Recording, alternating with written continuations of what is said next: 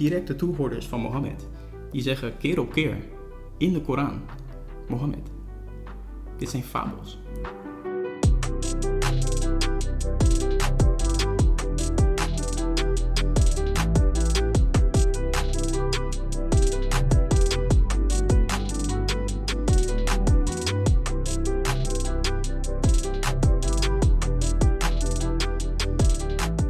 Tot zegen allemaal. Ik heb vandaag weer een gast hier, Rick, voor een tafelgesprek. Rick is wel eens eerder bij mij te gast geweest en is um, oprichter van het YouTube-kanaal Gedachtegoed, waar hij uh, vooral video's plaatst die te maken hebben met de islam uh, en ernaar verlangt om ook vanuit een, nou toch ook wel christelijk perspectief te laten zien wat moslims geloven.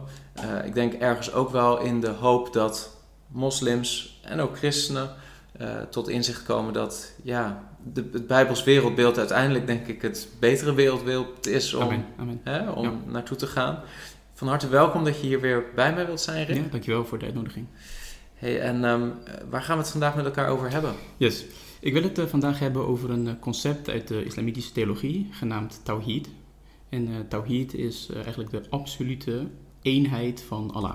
Zo, waar wij eigenlijk de drie-eenheid hebben, eh, als, als onze God een drie-ene God is, is in de islam dat eh, als het ware een, een God die één is in zijn, in zijn wezen, maar ook één zijn in zijn persoon.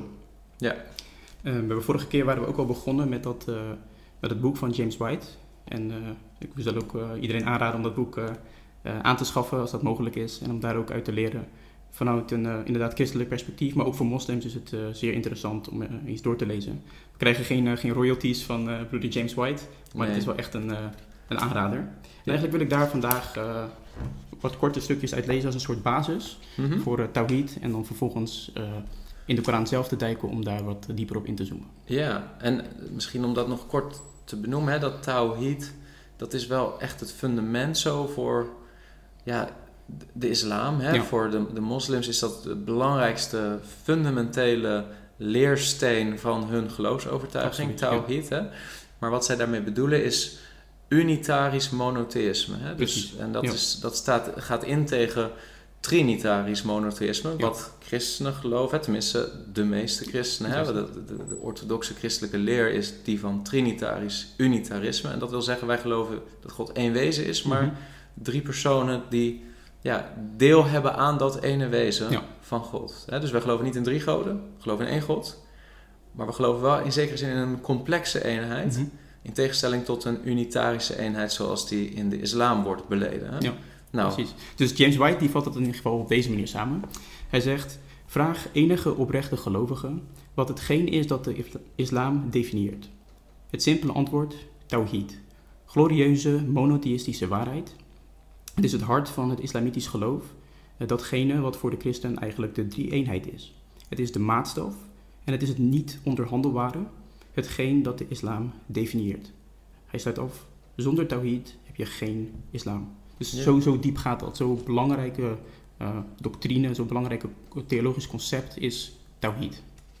ja, het is echt, Ja, de echt kern. de basis en de kern van ja, de islam. Absoluut, ja. En eh, heel kort inderdaad, wat je net ook al zei, de broeder James maakt dan ook vervolgens een onderscheid tussen trinitarisch monotheïsme en unitarisch. En hij zegt als we het moeten hebben over tawhid, dan moeten we ons beseffen dat we niet alleen maar over monotheïsme praten, maar dat het ook specifiek unitarisch monotheïsme is wat de islam eh, ja, onderwijst. Dus je noemde net ook al kort eh, het verschil misschien. Als je nog iets daaraan toe te voegen hebt, dan...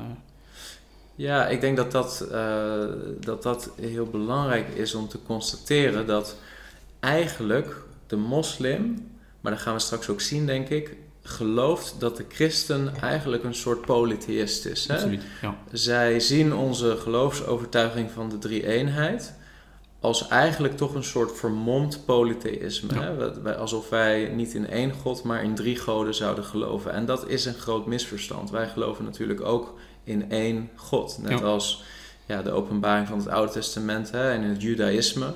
Hè, Hoor Israël, de Heere Mhm. onze God is één ja, de Shema. de Shema. Wij geloven absoluut dat God één is. Wij zijn monotheïsten, maar wij zien wel in het Nieuwe Testament dat daar een, als het ware, een diepere openbaring komt van Gods monotheïstisch Mhm. wezen. Ja. En dat we inderdaad zien dat drie personen uh, deel hebben aan die ene natuur, die goddelijke natuur, dat ene goddelijk wezen. Uh, en dat is een dat ingewikkelde moslim, waarheid. Ja, en dat voor de moslim is dat ondenkbaar. Dat is ondenkbaar. En zij ja. zien dat dus eigenlijk al als een vorm van nou ja, afwijken van tawhid, geloof ik. Hè? Ja, absoluut. Ja, we worden ook inderdaad beschuldigd, wat je zegt, als polytheïsten. Voor, voor hun zijn we echt een, een polytheïstische religie. En, en dat, dat tawhid is voor hun ook zo belangrijk. Het is ook iets waar ze best trots op zijn. Van ja, alle religies uiteindelijk zijn afgedwaald van, van ja, hoe God het bedoeld heeft, hoe God het ingegeven heeft. Uh, het christendom, uh, welke religie er ook is, die, we zijn afgedwaald. En alleen de islam die onderwijst nog dat pure monotheïsme. Ja. En dan kan je nog zeggen van ja, het jodendom heeft in die zin ook nog wel een wat unitarisch uh, monotheïsme. Maar zij zeggen dan ook van, denk bijvoorbeeld aan de rol die de Messias speelt, dat, dat ze daar al eigenlijk te ver gaan.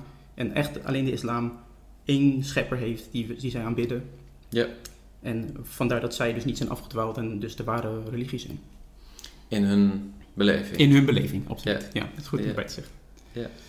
Um, en in, uh, in, met dat gezegd hebbende wil ik eigenlijk uh, vandaag een aantal uh, surahs lezen, omdat eigenlijk nou ja, die, die bewering, bij die bewering stil te staan, van wij mhm. geloven in. Tawhid, dat is ons, wat, wat ons definieert. En simpelweg samen met jou daar kritisch naar te kijken. want ik geloof persoonlijk, als een soort spoiler, dat de Koran niet overal uh, unitarisch monotheïsme onderwijst. Hmm. En dat is misschien een best wel controversiële uitspraak. Dus uh, ik, ik, wil het vraag gewoon met jou ja. behandelen. Kijken, ja. ja. Ik wil graag met jou kijken naar Surah 15. Ja. En dan vanaf de verse op de ayat 28 en 29. Maar voordat ik, voordat ik aan jou wil vragen om die even voor ons voor te lezen, is het wel goed om even nog te benoemen als een soort disclaimer van um, waarom wij nou eigenlijk de Koran er vandaag bijpakken. Want jij en ik, we zijn christen, we geloven niet eh, in Allah. We geloven niet dat hij de ware God is van de Bijbel. We geloven hmm. niet dat de Koran een openbaring is van die ware God. Maar ik denk dat het goed is, juist ook voor de moslim, om bij eh, de Koran te beginnen. Omdat dat uiteindelijk zijn uitgangspunt is en hetgene waarin hij uh, gelooft. En ook voor christenen die dit zullen kijken, is het misschien handig om ook ja, de, de Koran zelf erbij te pakken. Als je bijvoorbeeld een keer een, een dialoog of een discussie, of hoe je het ook wil noemen, hebt met een, met een moslim omdat het ook interessant is om te kijken van ja, maar dit is wat jouw uh, heilig boek zegt. En hoe denk je daarover? Het is eigenlijk een interne kritiek die je dan geeft. Je stapt binnen in de het wereldbeeld van de persoon die je voor je hebt, in dit geval de moslim.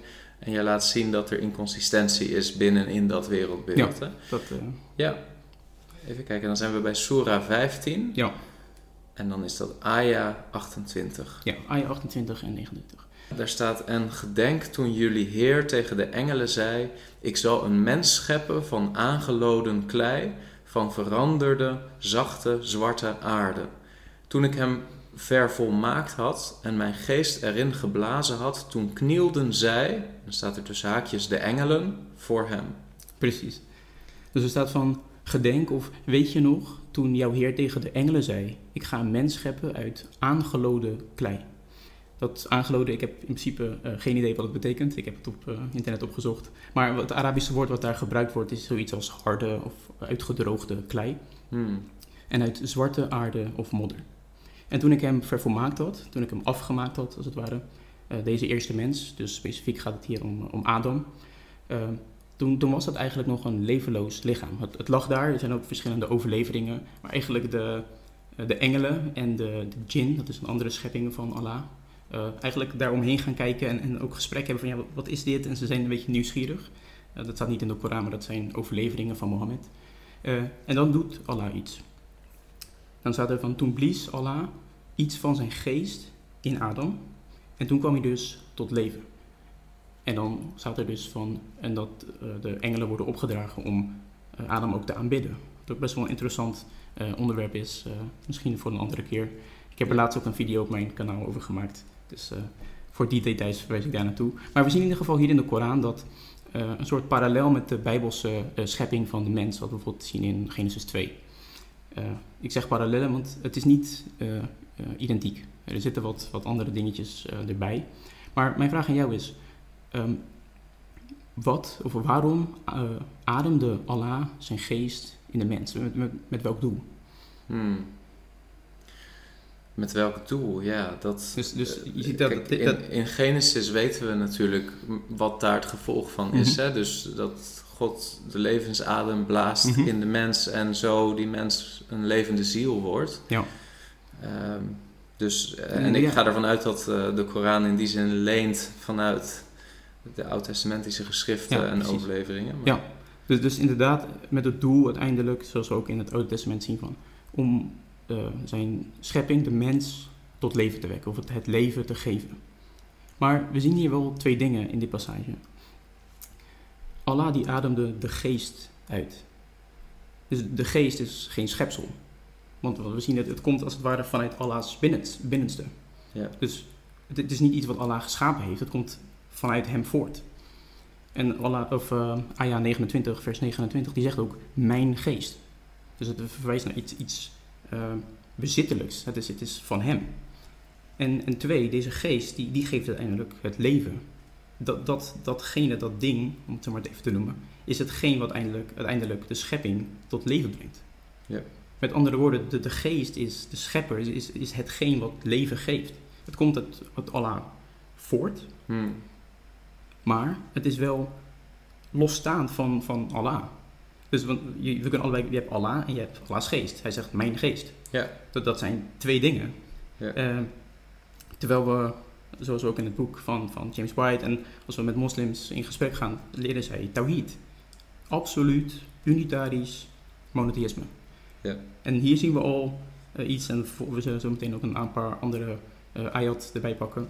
Al die eerste, ja, misschien kleine scheurtjes daarin, dat, dat je ineens een, een andere eh, entiteit ziet die ook een rol heeft in het scheppen van in ieder geval de mens. En eh, is het zo dat, zoals dat in het Hebreeuws zo is, dat je dat woord, hè, in het Hebreeuws het woord ruach, geloof Mhm. ik, dat kun je vertalen als geest, dat kun je ook vertalen als adem. Mhm. Eh, zit dat ook in het Arabisch hier? Ja. Want ik zie een woord wat ik een beetje herken daarvan. Ja, absoluut. Is Ja. dat, zou dat al een soort eerste reactie zijn van een moslim? Van hé, maar dit is niet Gods geest, dit is gewoon zijn adem. Ja, het is goed dat je het zegt. Kijk, het, ehm, hoe de, ik bedoel, het is natuurlijk niet een nieuw argument. Er zijn moslims die, eh, ik bedoel, christenen die dit al tegen moslims eh, eh, vaker als argumenten hebben, naar voren hebben gehaald. Ja, Ehm, en het, het argument, of het tegenargument wat, wat moslims zouden zeggen is, met deze ruach, deze, deze, wat je zegt in het Hebreeuws ruach, deze geest, daar wordt de engel Gabriel mee eh, Oh. bedoeld. Oh, dus ze, ze zien het probleem eigenlijk. Ja. En in plaats van En- te zeggen, maar dit is gewoon een soort adem van God, Mhm. eh, stoppen ze daar Ja. Gabriel Ja. in. En waarom dat is, is omdat je niet, je kan niet zeggen dat dit de adem is. En dat zullen we zo meteen in de volgende eh surah zeggen. Want als je dat zou zeggen, dan heb je een conflict met eh surah 19, die we zo meteen erbij zullen pakken. Dus Ja. wat, zij, wat, wat onze moslimvrienden zullen zeggen, dit is die, geest, ja, we zien inderdaad, het is iets wat, wat helpt, of in ieder geval een, een deel heeft in eh, het scheppingsverhaal, in ieder geval van de mens. Maar dat gaat om de engel Jibril, de engel Gabriel. Ja, oké, helder, ja. Maar goed, voordat we dan die, die eh, Surah 19 erbij pakken. Kijk, als, als Gabriel de geest zou zijn, dan, dan is die, die engel Gabriel, die engel Jibril, geen schepsel. Hmm. Want, want hij komt voort uit Allah. Want voor het moment van uitblazen, van uitademen, waar, waar was deze geest, deze roer? Die was in Allah, in zijn binnenste. Hmm. Dat, dat, dan, dan heb je al eh, een, een probleem met Tawhid. Dat zou iets, zou iets zijn wat zij niet eh, kunnen zeggen. Nee, want dan zou God in zekere zin toch ergens Misschien- complexe ja, ja. eenheid zijn in Ja. plaats van Ja, misschien, eh, zuivere eenheid. Binitarisch of zo, als dat een woord is. Hmm. Maar da- dan heb je, dat, er is al een, een conflict daarmee. Ja. De- want dan zou die ook dus ook een soort eeuwig onderdeel zijn van Allah's essentie, van, van zijn wezen. Nou ja, in elk geval tot het moment van schepping, Ja, zeg maar. Ja, Ja. precies. Ehm, dus zij zouden zeggen, goh, dit, dit is een passage die je uit context haalt. Je, je isoleert hier een gedeelte en je probeert daar een bepaald punt mee te maken. Ehm, maar als je naar het, de bigger picture kijkt, als je naar de Koran als geheel kijkt, dan zul je zien dat dit om Jibril gaat. En daarvoor wil ik dus ook eh Surah 19 pakken. Vanaf eh ayah 16 tot en met eh ayah 19. Daar gebeurt namelijk iets heel opmerkelijks en dat zullen we zo meteen zien. Daar staat, en noem in het boek het verhaal van Mariam, toen zij zich in afzondering van haar familie terugtrok op een plaats die naar het oosten gericht was. Yes. Dus inderdaad hier het verhaal van, uh, van Miriam. Miriam, dat is Arabisch voor Maria, de moeder van Jezus. Dus Hmm. dat is de, de hoofdpersoon die hier wordt geïntroduceerd. Eh, ga verder alsjeblieft. Dan staat er: Zij plaatste een scherm om zichzelf van hen af te zonderen. Toen stuurden wij haar onze engel Jibril en hij verscheen voor haar in de vorm van een volmaakte man. Precies. En hier moeten we even kritisch naar de tekst kijken. Toen we voor deze, voordat we begonnen deze video uh, baden, toen, toen zei je ook al van, ik geloof dat er een bepaalde uh, verblinding is. Dat, uh, dat Hmm. noemde je zo. Een bepaalde, ja, misschien een soort misleiding. Uh, ik, ik geloof dat velen uh, misleid zijn door te denken dat de Koran puur leert um, dat er een, dat er een, dat Allah enkelvoudig is in, in, zijn, in zijn wezen, in zijn essentie. En dat daarmee ook dus uh, de moslim uiteindelijk misleid wordt, ook door, door de mensen die hen onderwijzen, door de mensen die um, bijvoorbeeld deze vertalingen maken, maar ook door bijvoorbeeld tafsirs, dat zijn Koran-exegeten, uitleggers, die bij zulke passages zoals deze uh, hele boekwerken schrijven voor simpelweg één versje om een bepaald punt over te brengen. Um, de, de, uitspraak doe ik ook niet lichtjes, uh, dat is een best wel een serieuze uitspraak. Uh, en dat wil ik ook op deze manier laten zien. Want wat we hier zien is dat, dat wij stuurden haar onze engel Jibril, onze engel Gabriel. En vervolgens vertelt de, de volgende twee versen vol, vertelt dan wat deze persoon ook, of deze engel komt doen. Hmm. Uh, en het gaat hier namelijk om de, de aankondiging van uh, um, de, de, annunciatie van, van Jezus. Dus uh, Maria wordt dus verteld dat ze zwanger zal zijn, zal worden van, van ja, Jezus Christus. Hmm. Maar je zou misschien afvragen van ja, waar heb je het precies over? Hier staat toch duidelijk. En wij stuurden onze engel Jibril. Er staat hier dus onze engel Jibril. En in het vorige vers zei ik al, dat ging om de geest. Maar wat we hier zien is zo van, goh, oké, okay, je zag die geest. Dus dat is eigenlijk het argument wat ik in, in Surah 15 maakte. Van, goh, je hebt Allah en je hebt zijn geest. Daar zit al een soort meervoudigheid in of een complexiteit in. Maar goed, dan zeggen de moslims, nee, dat gaat om de engel Gabriel. Dat gaat om Jibril. Ja. En dat gaat dus niet per se omdat God bijvoorbeeld een geest zou hebben en dat hij meervoudig is. Dus, dus wat ze zouden zeggen is dus, goh, je probeert eigenlijk een soort extra persoon in, binnenin Allahs wezen te verzinnen of aan hem toe te schrijven wat niet klopt. Want het gaat hier gewoon om Jibril. Dus in Surah 15 staat wel geest, ja, maar die geest dat is Jibril. Als je ook kijkt, sommige vertalers zullen ook gewoon tussen haakjes naast geest uh, Jibril uh, of Gabriel zetten. Hmm. Um, en Allah die heeft als het ware dan Jibril uitgerust uh, met, met het, het leven of, de, of, de, of het vermogen om leven te geven.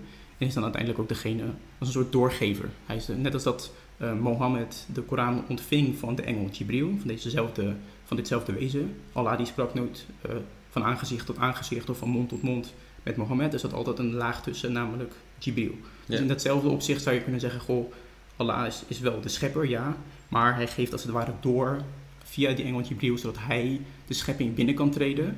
Want Allah die staat buiten de schepping. Ja, Allah is als het ware, het, de moslims geloven ook dat het... te transcendent of zo. Absoluut, Dus, het, het uh, past Allah niet in zijn, in zijn wezen om zich te verlagen tot dat niveau om de schepping binnen te treden. Dat Ja. is iets wat absoluut ondenkbaar is. Ja. In ieder geval voor vele stromingen binnen in de islam, want daar zitten nog wel uh, kleine verschillen Dus tussen. Gabriel is een soort middelaar tussen uh, ja, Ja, uh, de schepping en de schepper. Zo. Maar dan komt het hele interessante. Want ik zei net al iets over dat uh, misleiden of dat, of dat ja, moedwillig een bepaalde visie opleggen aan, aan de lezer. En wat ik daarmee bedoelde is het volgende. Als je kijkt naar de Arabische tekst, dus volgens mij ook in jouw verje die hieronder hebt staat ook de transliteratie, Mm -hmm. dan staat het hele woord Jibril niet in de Arabische tekst. Oh. Sterker nog, het hele woord engel staat ook niet in deze tekst. Hmm. Engel in het Arabisch is malak. Denk maar aan het Hebreeuws, malach. Ja. Het woord dat hier staat, wat hier gebruikt wordt, is ruhenna. En dat is uh, afkomstig van wat we al zagen van. Hmm. En van het Hebreeuws ruach, geest. Dus wat, wat hier staat is niet, uh, zij plaatsen een scherm om zich van hen af te zonderen. Toen stuurden wij haar onze engel Jibril. Er staat, toen stuurden wij haar onze geest. Hmm. Dus als je bijvoorbeeld uh, een andere vertaler zou pakken, je, je, zou dat in principe kunnen doen in het menu waar je nu in zit en dan een andere vertaler, dan, dan zouden ze ook zeggen onze geest. Ja. Maar ik had ook bewust gevraagd of jij die van Abdessalam zou, zou lezen om ook dit punt aan te tonen. Wat je ziet is dat de moslimvertaler die hier bij deze passage aankwam, het probleem zag. Ik geloof ook het probleem erkende. Hij zei, oeh, dit is, dit is lastig. Weet je wat? Ik vertaal niet wat er staat, de geest, onze geest. Hmm. Maar ik vertaal moedwillig en bewust onze engel Jibril. En ik geloof dat een oprechte moslim die gewoon ja, de, de Koran erbij pakt en, en niet bewust is van, van, dit, van, dit, van dit, deze ja, bewuste verandering, Hmm. da- daar overheen leest en als het ware ook die, die theologie eh, zo, zo binnenkrijgt en verder gaat. Toch lezen veel moslims eh, de Koran of reciteren die in het Arabisch. Ja. Maar ik denk dat ook veel Nederlandse jonge moslims het doen met soms Nederlandse vertalingen, Mhm. Absoluut. zoals die van Abdessalam. Ja. Ik dat goed? Ja, Abdessalam. Ja, maar wat je ook ziet is dat zij vaak ook, ehm, als ik ook kijk naar, naar bijvoorbeeld mijn eigen kringen, ehm, niet altijd zeg maar Arabisch kunnen lezen. Dus Ja. wat, je, wat je, ze kunnen, vaak hebben ze bijvoorbeeld een, eh, een achtergrond dat ze misschien wel Arabisch kunnen spreken, maar het lezen is, is wel echt iets, iets heel anders. Eh, en wat je ook ziet is dat ook vele mensen ook gewoon reciteren, net als dat je eh, een klein kindje van, laten we zeggen, drie jaar ook een Engels lied kan meezingen zonder dat ze Engels kan. Omdat ze gewoon de, de klanken, als het ware, kan, kan, kan nadoen. Ja, dus in die zin dus wil ik niet zeggen dat, dat, dat vele moslims geen, geen Arabisch kunnen begrijpen. Maar er is wel een grote groep die ook op die manier eigenlijk eh, de Koran reciteert. Hmm. Eh, ook bijvoorbeeld in hun dagelijkse gebeden, waar ze verschillende passages uit de Koran eh, moeten opzeggen, moeten reciteren. Is dat eh, ook eh, in ieder geval mijn ervaring dat dat vaak gewoon... Dus ze kennen die woorden, maar dat ze niet per se 100% weten wat ze eigenlijk zeggen. Ja. Maar goed, er staat dus inderdaad in deze tekst onze geest. En dan, maar dan staat er ook achter, en hij verscheen voor haar in de vorm van een volmaakte man. Dus dan verschijnt zijn geest in Ja. feite als een volmaakte man aan Maria, aan Miriam. Precies, ja. Dat is wel problematisch dan. Dus, dus, dus op dat moment is dat, dat, dat stuk van ja, dat, dat, dat wezen, die entiteit, waarvan we in Surah 15 lazen, dat die van Allah's binnenste kwam. Hij is uit Allah geblazen. Hmm. Op dat moment fysieke vorm aanneemt en dus losstaat van Allah. Ja. Er zijn op dat moment twee wezens Nou, in elk geval ook een persoonlijke verschijning. Hè? Precies. Ja, en dus wat, wat even om, terug te gaan, wat, wat je hier dus ziet is dat, die- wat ik geloof dat de lezer, in ieder geval in de vertaling van de heer Abdesalaam, opzettelijk wordt misleid. Of in ieder geval dat hij opzettelijk, laten we het zo stellen, zijn visie probeert te Op verwerken, op te leggen in de tekst. Ja.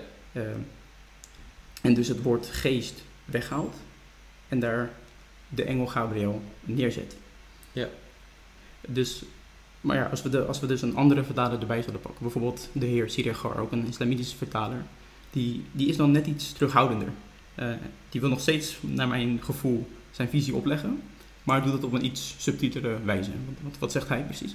Ja, daar staat, ehm, vervolgens zonden wij haar onze geest en hij verscheen aan haar als een volmaakt mens. Maar er staat wel achter onze geest, tussen haakjes, Jibril. Precies. Maar dus niet dat ik dit allemaal verzin of zo, maar dat staat echt in de Arabische tekst.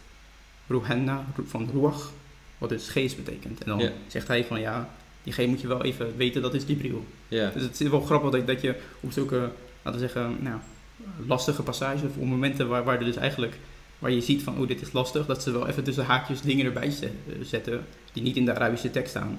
Ja. Om de lezer wel eventjes ja, een bepaalde gedachte mee te geven. Eh, ja, om te voorkomen dat er een inconsistentie in de Koran eigenlijk eh, ja. belandt. Ja. Ja, en dat, dat zie je wel vaker eh, als je de, de, de Koran erbij pakt.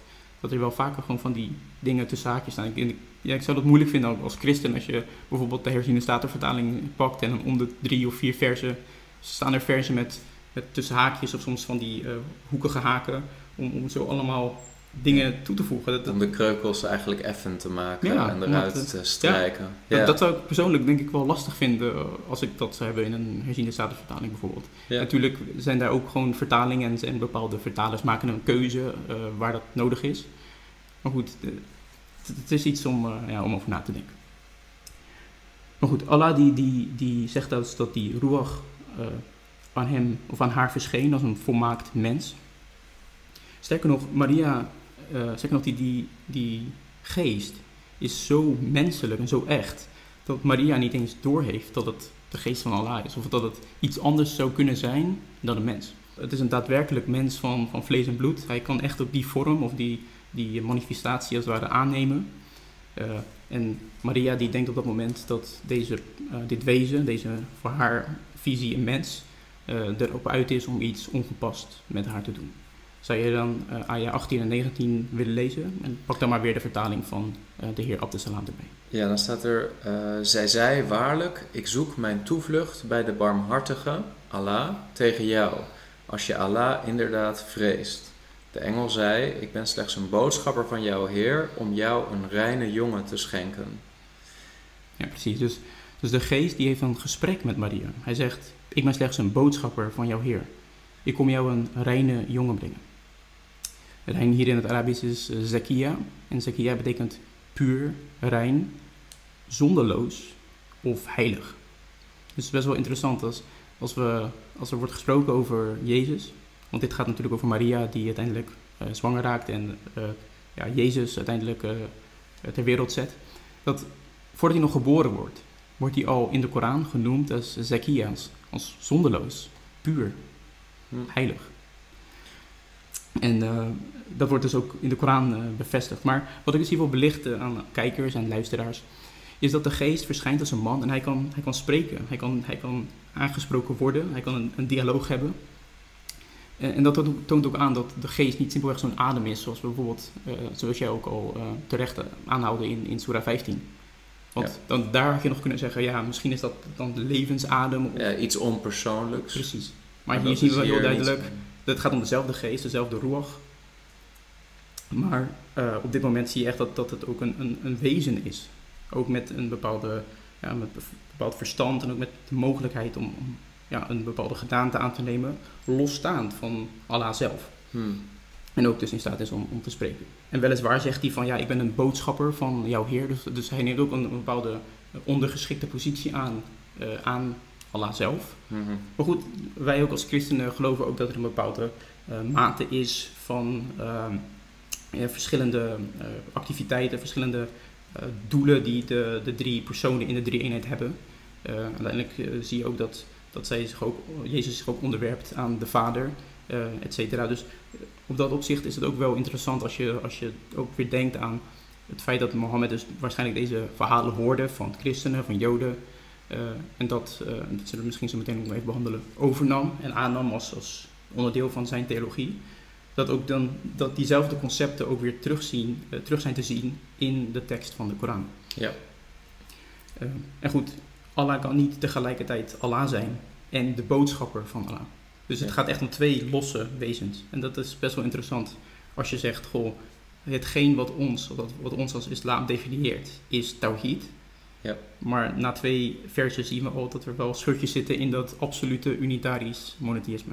Ja. Eh, en dat, dat vind ik best wel interessant om, eh, eh, om hier te zien en daarbij stil te staan. En, en die geest die geeft ook die geeft leven. Hij zegt, ik ben de boodschapper om jou als maagd, Maria, jij bent eh, eh, daarvoor uitgekozen, een zuivere zoon eh, te geven, te schenken.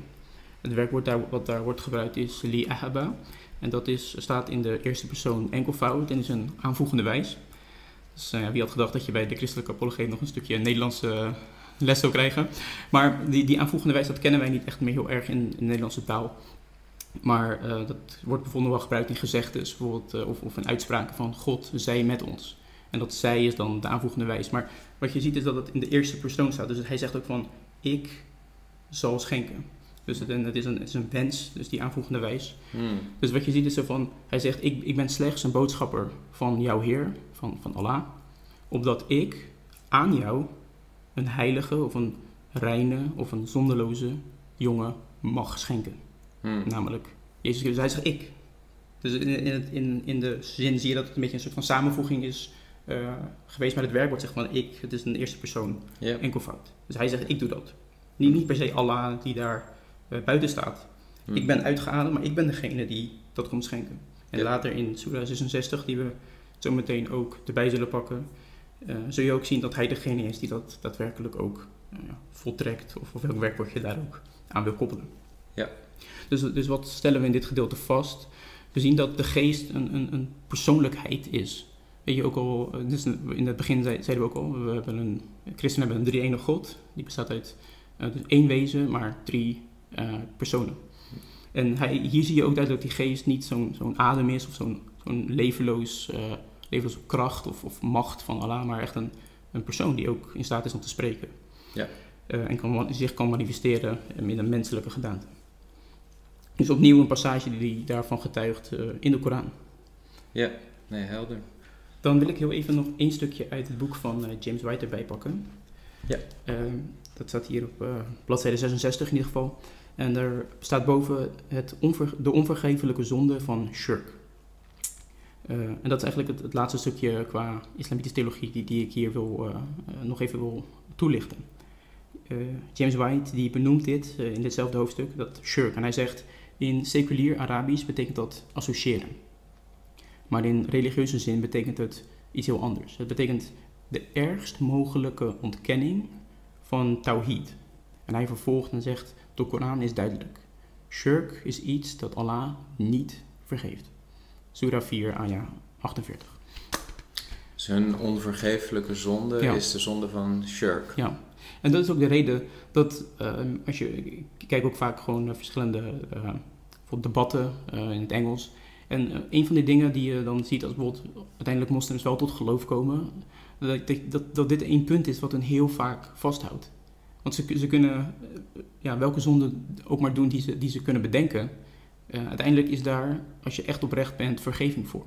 Hmm. Maar voor deze zonde voor, voor, is geen vergeving. En als je dus uiteindelijk zegt van, goh, er is niet een, een soort van geleidelijke overgang. Je kan niet zeggen van, goh, weet je wat, laten we zeggen een beetje zoals bijvoorbeeld een, een Messiaanse Jood of zo. Dat, dat je, ik wil niet per se zeggen dat dat een soort van tussenfase is, maar dat je bepaalde dingen van het christendom zou kunnen overnemen en, en langzaam kan eh, transitionen naar eh, de islam. Je, je- als je alleen maar één keer al iets, een eigenschap die alleen aan Allah wordt toebedeeld, aan iets of iemand anders toekent, Ja. dan bega je al shirk. Ja. Dus je, je kan ook nooit tegen, een, eh, tegen mensen zeggen van je bent, je bent alwetend of ook zelfs niet als een soort van eh, als grapje. Dit is, er Ja. zijn, Allah heeft 99 namen en die 99 namen die beschrijven ook bepaalde karaktereigenschappen, ook karakteristieken van hem die alleen aan hem worden toebedeeld. Ja. En op die manier zie je dat dit, dit wel echt een, eh, iets is wat, wat de moslim uiteindelijk ook ja, heel moeilijk van zich kan loslaten om uiteindelijk een stap te zetten naar, naar het christendom bijvoorbeeld. Ja, het is ook gewoon een geweten wat geconditioneerd is door deze leer Ja, eigenlijk. Hè? absoluut. Dus- en, die echt een blokkade vormt voor, nou ja, ook maar overwegen om christen te worden. Want, Amen. en dan is die leer van de drie-eenheid eigenlijk al snel, hè, en onze visie op Heer Jezus Christus Mhm. wordt al snel dan een blokkade Ja. en al meteen een soort struikelblok. Waar je ook Om- echt ver weg van moet blijven. Want Ja. je kan er al niet eens aan, aan denken of overwegen van goh, Ja, zou dan, dat waar dan kunnen bega zijn. je straks eh shirk en dan, nou ja, dan is je lot bezegeld en ga je naar de hel eigenlijk. hè? Waar ook levendige beschrijvingen van in de Koran staan. Ja, en vooral ook in de, de overleveringen, de hadith van Mohammed, waar je echt de meest eh, verschrikkelijke dingen terugleest. Ja. Heel eh, grafisch, die, hoe hij dat eh, beschrijft. Maar goed, wat we hier zien is eigenlijk dat de Koran, niet eens de mens, maar de Koran zelf daar al, ja, ik geloof schuldig aan is. We zien hier de geest die de eigenschap krijgt van het scheppen van leven, van het geven van, van leven. Dat is, naar mijn, mijn inziens, is dat het tegenovergestelde van, van Tawhid. Dat is, dat is de geest en Allah die kunnen scheppen. En dat is eh, best eh, problematisch. Ja. En eh, we zagen dus al eh, net dat bijvoorbeeld zo'n vertaler dan de engel Gabriel ook in de tekst probeert ja, te, te plaatsen, de geest weg wil halen om, om juist ja, dat probleem of die, die wrijving die er is ja, te verbergen of op te lossen. Ehm, en wat je ook ziet is als je uh, tafsirs, dat zijn uh, Koran-exegeten, dus uitleggers van de Koran leest, en ook de, de overleveringen, dan zijn dat dingen die zij op, daarin proberen op te lossen. Dus dat, dat, deze dingen ook worden besproken en, en uit wordt gelegd, nee, dat gaat om Jibril, dat gaat om Gabriel. Uh, maar dat is allemaal veel later opgeschreven. Dat zijn uh, ook, ook in de, over, de overleveringen zijn uh, 1 à 200 jaar na Mohammeds dood opgeschreven. Dat zijn dingen die van later, uh, later ja, daarbij zijn gekomen, als het ware, om, nou ja, ik geloof deze... Het zijn ook soort pleisters die later zijn, opgeplakt ja, zijn, nog absoluut, steeds. Ja, ja. ja. Uh, En ik geloof dat, dat je er niet onderuit kan. Uh, want waar je probeert zo'n pleister te plakken, ontstaat er op een andere, andere plek een nog veel grotere wond. Ja. Als we bijvoorbeeld kijken naar uh, Surat al-Qadr, Surah 97, Surah van de kracht. Uh, daar wordt dan in vers 4 ook iets interessants gezegd. Misschien dat je die voor ons ja, kan lezen. Daar staat de engelen en de geest. En dan staat er tussen haakjes bij mij weer Jibril. Daalden in haar neer met Allah's toestemming voor elke beschikking. Precies. Waar het hier om gaat is voor deze video niet per se relevant. Maar wat je ziet is dat er een, een, een tweescheiding wordt gemaakt. Je hebt de engelen ja. en de geest. En Jibril moet in één van die twee emmers, van die twee categorieën, moet die vallen. Dus het is de engel Jibril, maar de geest tussen haakjes Jibril. Jibril. Ja, dat is wel een probleem aan het worden dan. Ja. En als je dan bijvoorbeeld de overleveringen van eh, Mohammed erbij pakt. Misschien even goed om hierbij stil te staan voordat we verder Mhm. gaan. Hè? Kijk, een, iemand die een achtergrond heeft als christen en de Bijbel leest, hè, die zal misschien wat minder nog de problemen zien dan iemand die vanuit een Koran-achtergrond komt. Omdat de, de visie van de moslim op de Koran is veel stijver nog dan wij als christenen hebben op de schrift. Hè. Wij geloven dat ja, de, de Bijbel is geschreven door menselijke auteurs die Mhm. weliswaar hè, daarin geleid werden door de Heilige Geest. Amen. De, eh, de schrift is geïnspireerd, hè, woord voor woord geïnspireerd eh, en als zodanig eh Gods woord. Maar de visie binnen de islam op inspiratie gaat veel verder dan dat. Hè. Eigenlijk is Mohammed niet zozeer de schrijver van de Koran, maar gewoon een soort doorgeefluik. En de Koran ligt op gouden tafelen in de, in de hemel Ja. eh, geschreven. Mhm.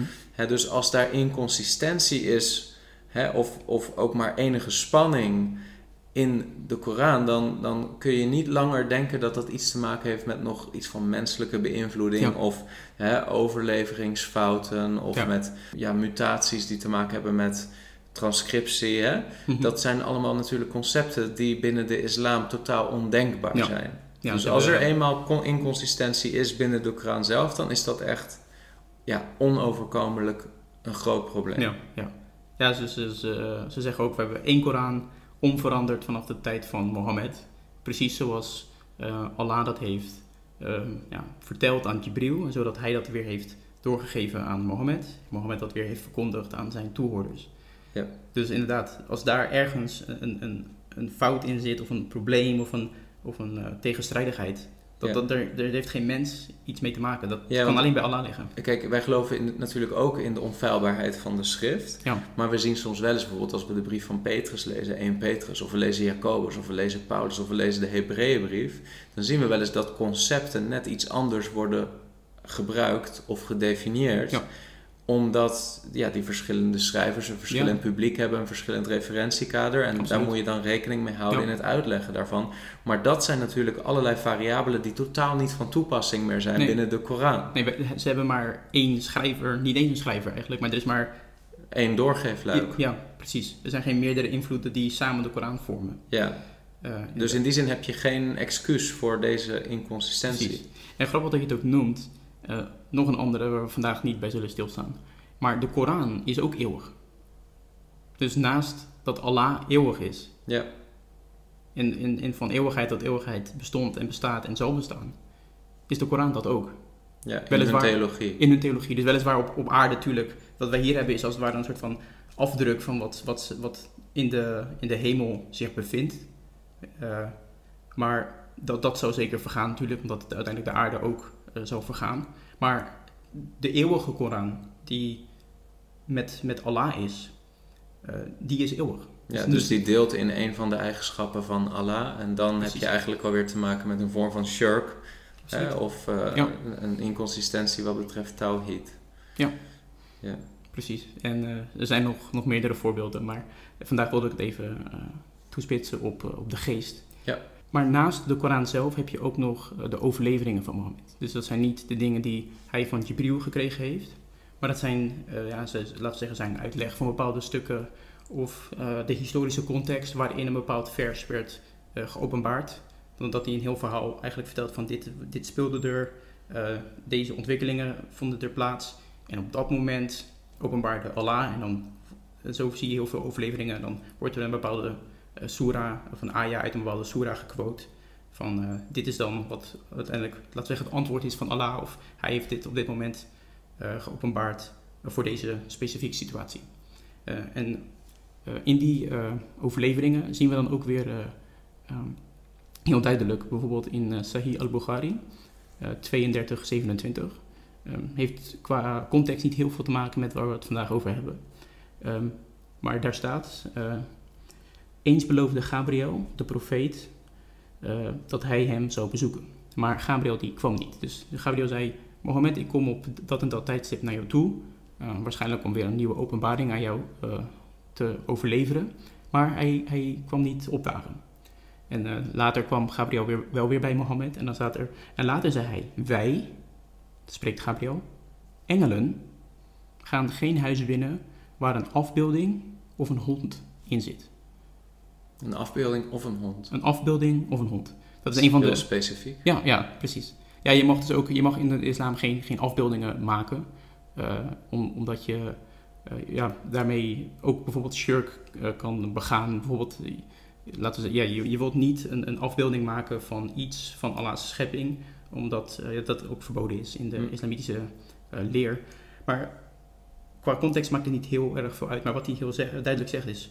Gabriel die belooft dat hij zou komen. Hij kwam niet en dan kwam hij met de uitleg. Ik kwam niet, waarom niet? Wij engelen... Gabriel zegt dus, ik ben een engel. Ja, hij plaatst zichzelf in die categorie. ontologische categorie van engelen. Precies.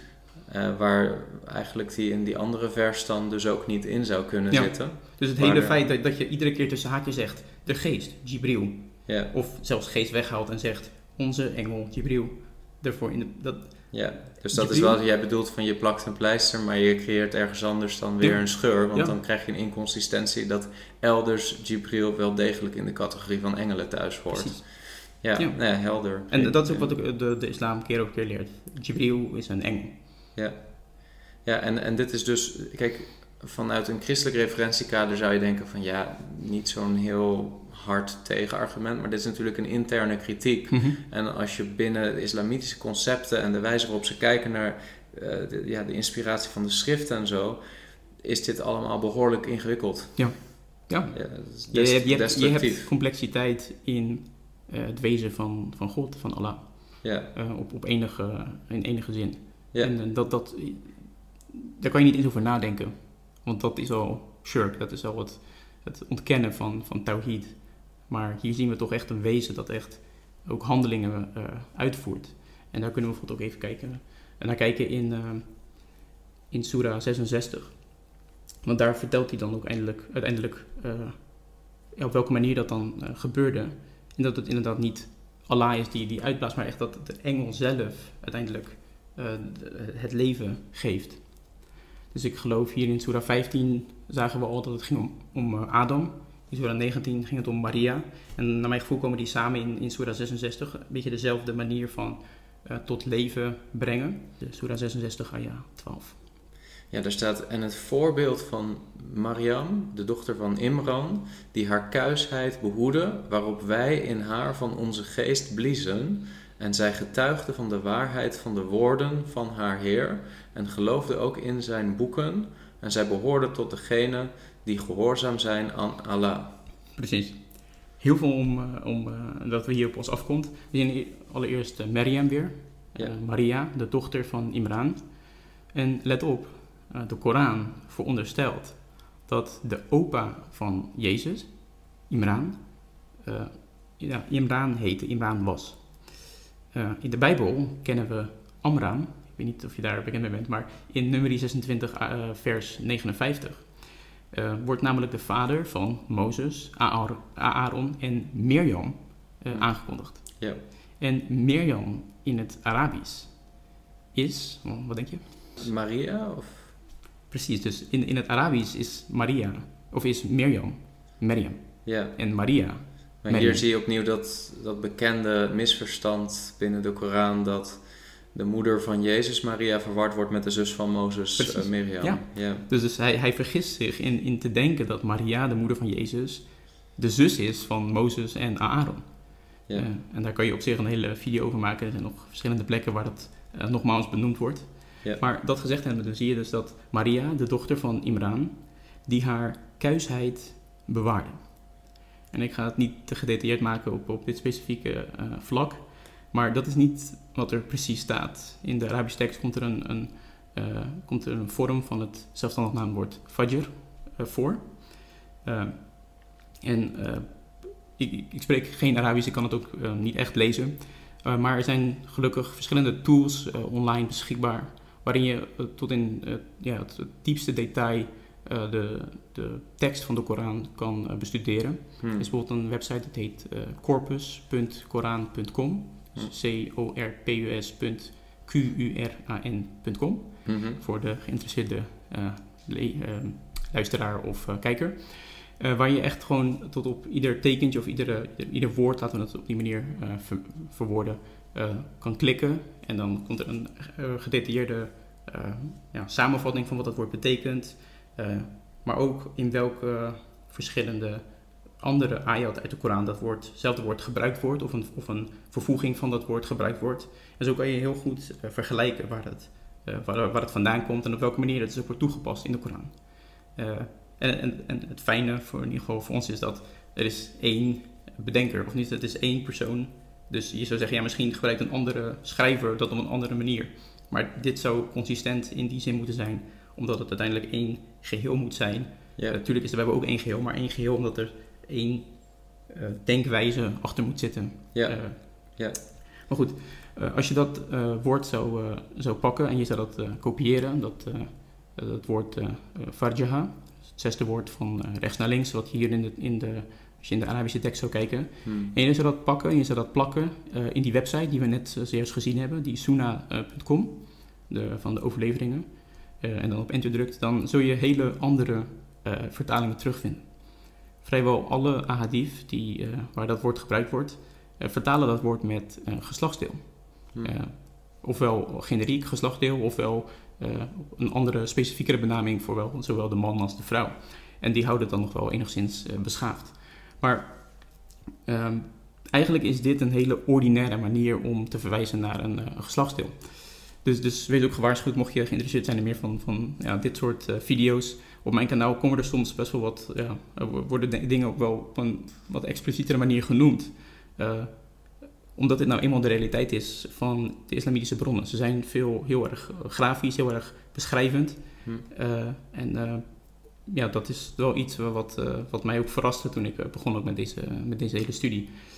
Ja. Maar gecensureerd staat er dus dat zij haar intieme deel of haar uh, geslachtsdeel bewaarde of beschermde. En dan staat er, wij bliezen daarin, fihi, eh, van onze geest. Dus, dus weer, het doel is, is dat de geest uiteindelijk degene is die dat, dat leven geeft, omdat die uiteindelijk degene is die uiteindelijk, ja, in de Bijbel zouden zeggen, de overschaduwing is van Maria.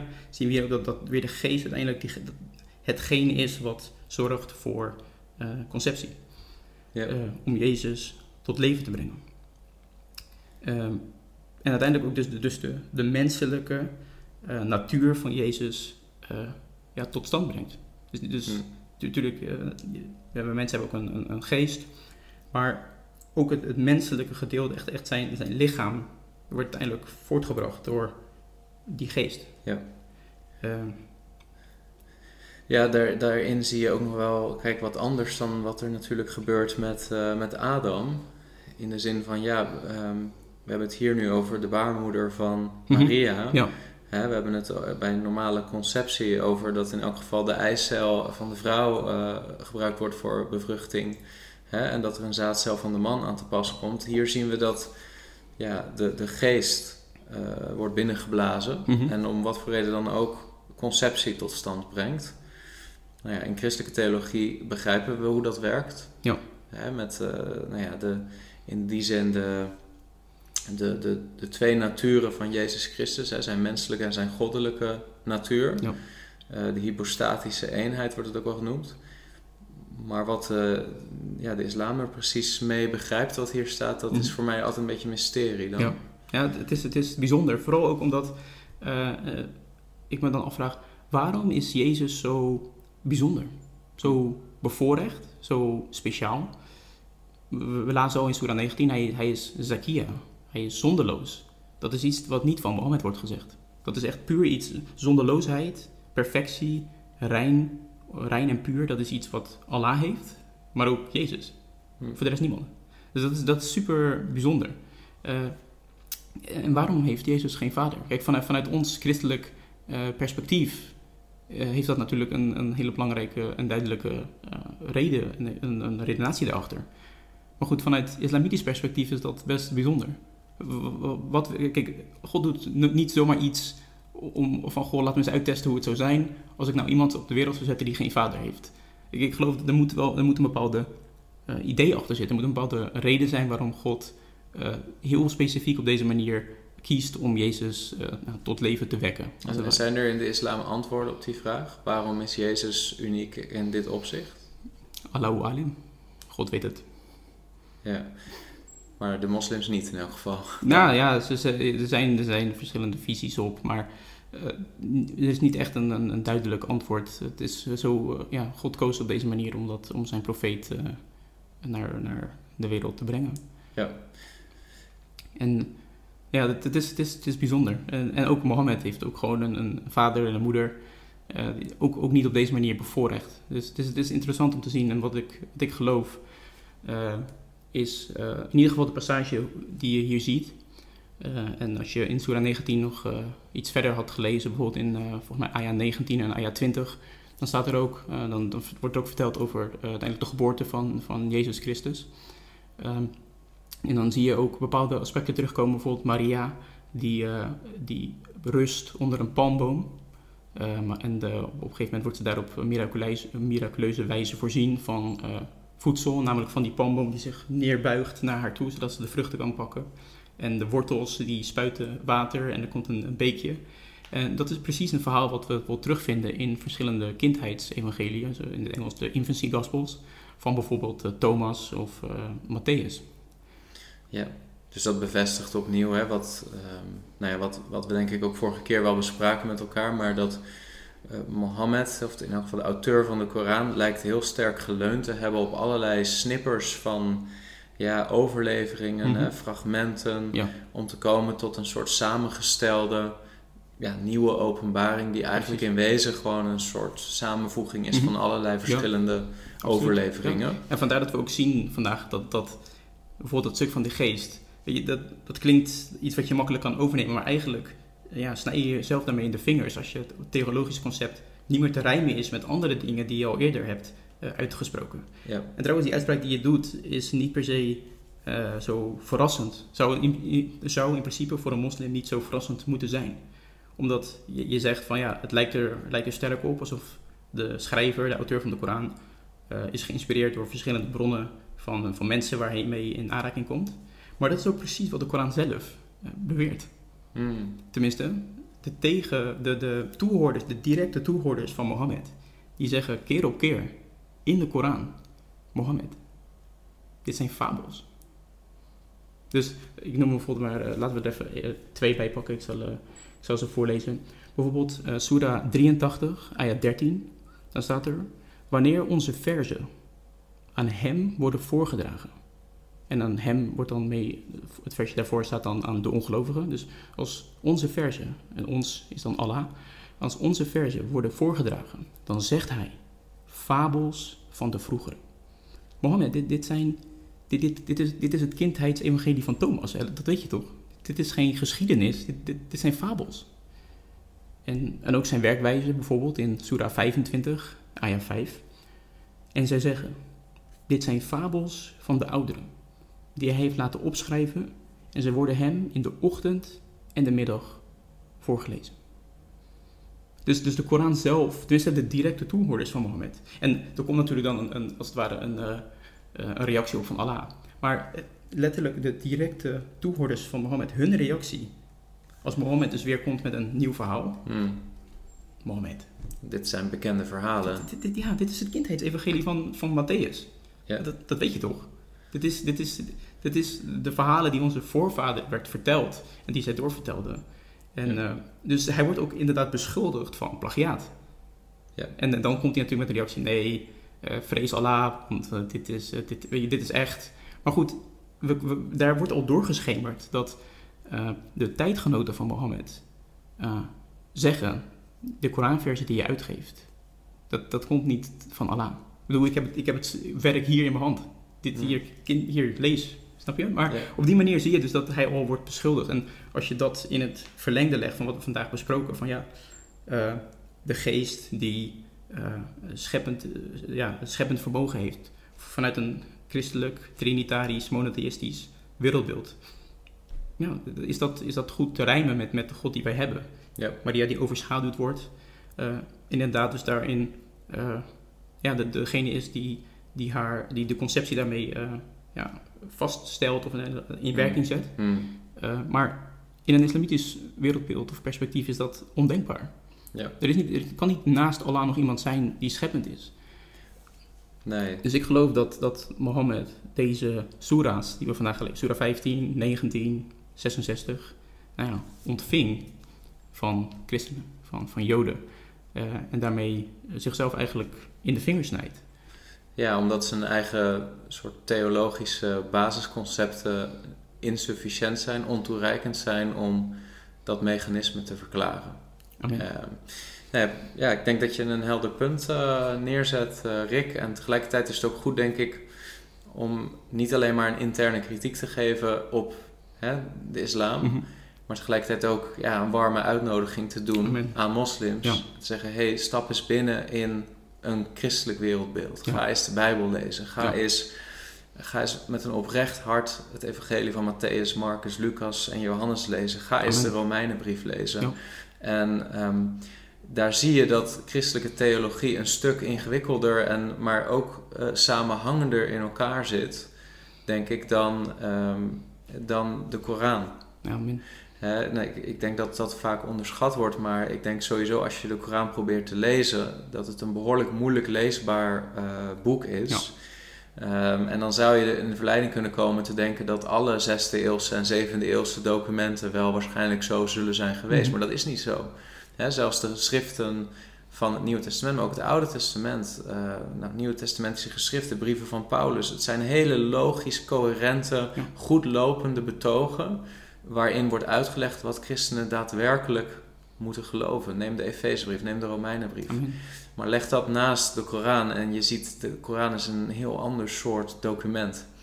Ehm, ik wil moslims uitdagen, lees de Bijbel, is onbevooroordeeld. Eh, van Genesis tot openbaring. Dan denk ik dat je ook geraakt zult worden door ehm, nou ja, een, een wereldbeeld, maar ook een boodschap die veel dieper gaat dan slechts monotheïsme of tawhid. Maar een boodschap dat die monotheïstische God zichzelf ook heeft geopenbaard en zijn karakter heeft geopenbaard en zijn heerlijkheid heeft geopenbaard door zondaren te redden, door zijn zoon te geven aan het kruis van Golgotha. En daarmee zijn liefde heeft geopenbaard op een manier die binnen de Koran denk ik ondenkbaar is, Mhm. maar tegelijkertijd ook een manier die onvoorstelbaar mooi is. Ja. En die daarmee denk ik ook des te meer laat zien dat een mens dit niet verzonnen heeft. Amen. Maar dat wat wij geloven, wat de Bijbel laat zien, ja, van een diepgang is die, ja, die niet anders kan zijn dan van God. Ja, want wat de moslim uiteindelijk kan bereiken, de relatie die hij heeft tot zijn God, is je bent een, een Abdullah, een slaaf van Allah. Dat is het hoogst haalbare. Er is, er is niet zo'n persoonlijke God. Een, een, een, we hebben, we hebben een, een vader Ja. die, die van ons houdt. In de Bijbelse In de theologie Bijbels, hebben in we de een Bijbels, vader. ja, Ja, precies. Dat, dat, nee, zij zijn zo ver weg van Allah. Je, je- het enige wat je kan doen is je onderwerpen, eh, islam, eh, onderwerping aan, aan Allah. En je kan, het hoogst haalbare is, is dat je een slaaf bent van hem. Ja. Dat, dat is de relatie die, die zij hebben. En dus wat je zegt, inderdaad. Ja, ze zijn in die zin in hun geloofsbeleving ver van God verwijderd. Ja. Maar ook in hun inzicht in wie God is, zijn ze ver van hem verwijderd. Ja. En dat is allemaal omdat ze niet zien dat de Vader zijn zoon gestuurd heeft om te sterven voor zondaren zoals wij. Precies. Dat zijn zoon weer is opgestaan uit de dood. Dat hij nu gezeten is aan de rechterhand van de Vader. Dat hij zijn geest naar de aarde heeft gezonden, de Heilige Geest, om in ons te wonen. Ja. Die in ons getuigt dat wij kinderen van God zijn. En vervolgens in ons ook uitspreekt, Abba, Vader. Amen. En de, die een intimiteit geeft in onze geloofsbeleving. Waardoor we echt mogen weten, wij zijn kinderen van God. Wij zijn geheiligd in zijn Zoon Jezus Christus. Onze zonden zijn weggewassen door zijn bloed. En op die manier mogen we dag aan dag bemoedigd zijn. En weten, ja, hij, hij is van ons en wij zijn van hem. Amen. En dat is een, een relatie met God, hebben een persoonlijke relatie met God, die veel moslims, nou eigenlijk denk ik alle moslims niet kennen. Nee. En ook niet kunnen kennen als ze blijven bij hun fundament, namelijk de Koran. Ja. Nou, ik denk dat we met die uitnodiging ook mogen afsluiten om moslims ook uit te dagen. Lees de Bijbel, hè, lees ook zeker het Nieuwe Testament met een open hart en ga er eens voor bidden. Hè, ga Ja. er eens voor bidden en vraag eh, aan God: is dit misschien niet de waarheid? En heb ik misschien me niet laten misleiden door ja, toch een soort sluier die het licht van de Bijbel heeft verduisterd? Precies. Rick, bedankt dat je weer eh, bij me wilde zijn. Natuurlijk. Dankjewel dat je hebt laten zien dat er wel degelijk ook spanning zit in de Koran met betrekking tot ja, dat unitarisch monotheïsme, Ja. hè, de Tawhid. En eh, ik hoop dat je ook in de toekomst weer bereid bent om te komen en iets te delen van wat jij ontdekt in jouw studie van Amen. de Koran. Zo goed deel. Amen. Amen. Ik hoop dat deze video nuttig was voor jou. Als dat zo is, druk dan op like en wil je vaker dit soort apologetische video's zien, abonneer dan op dit kanaal. Tot de volgende keer.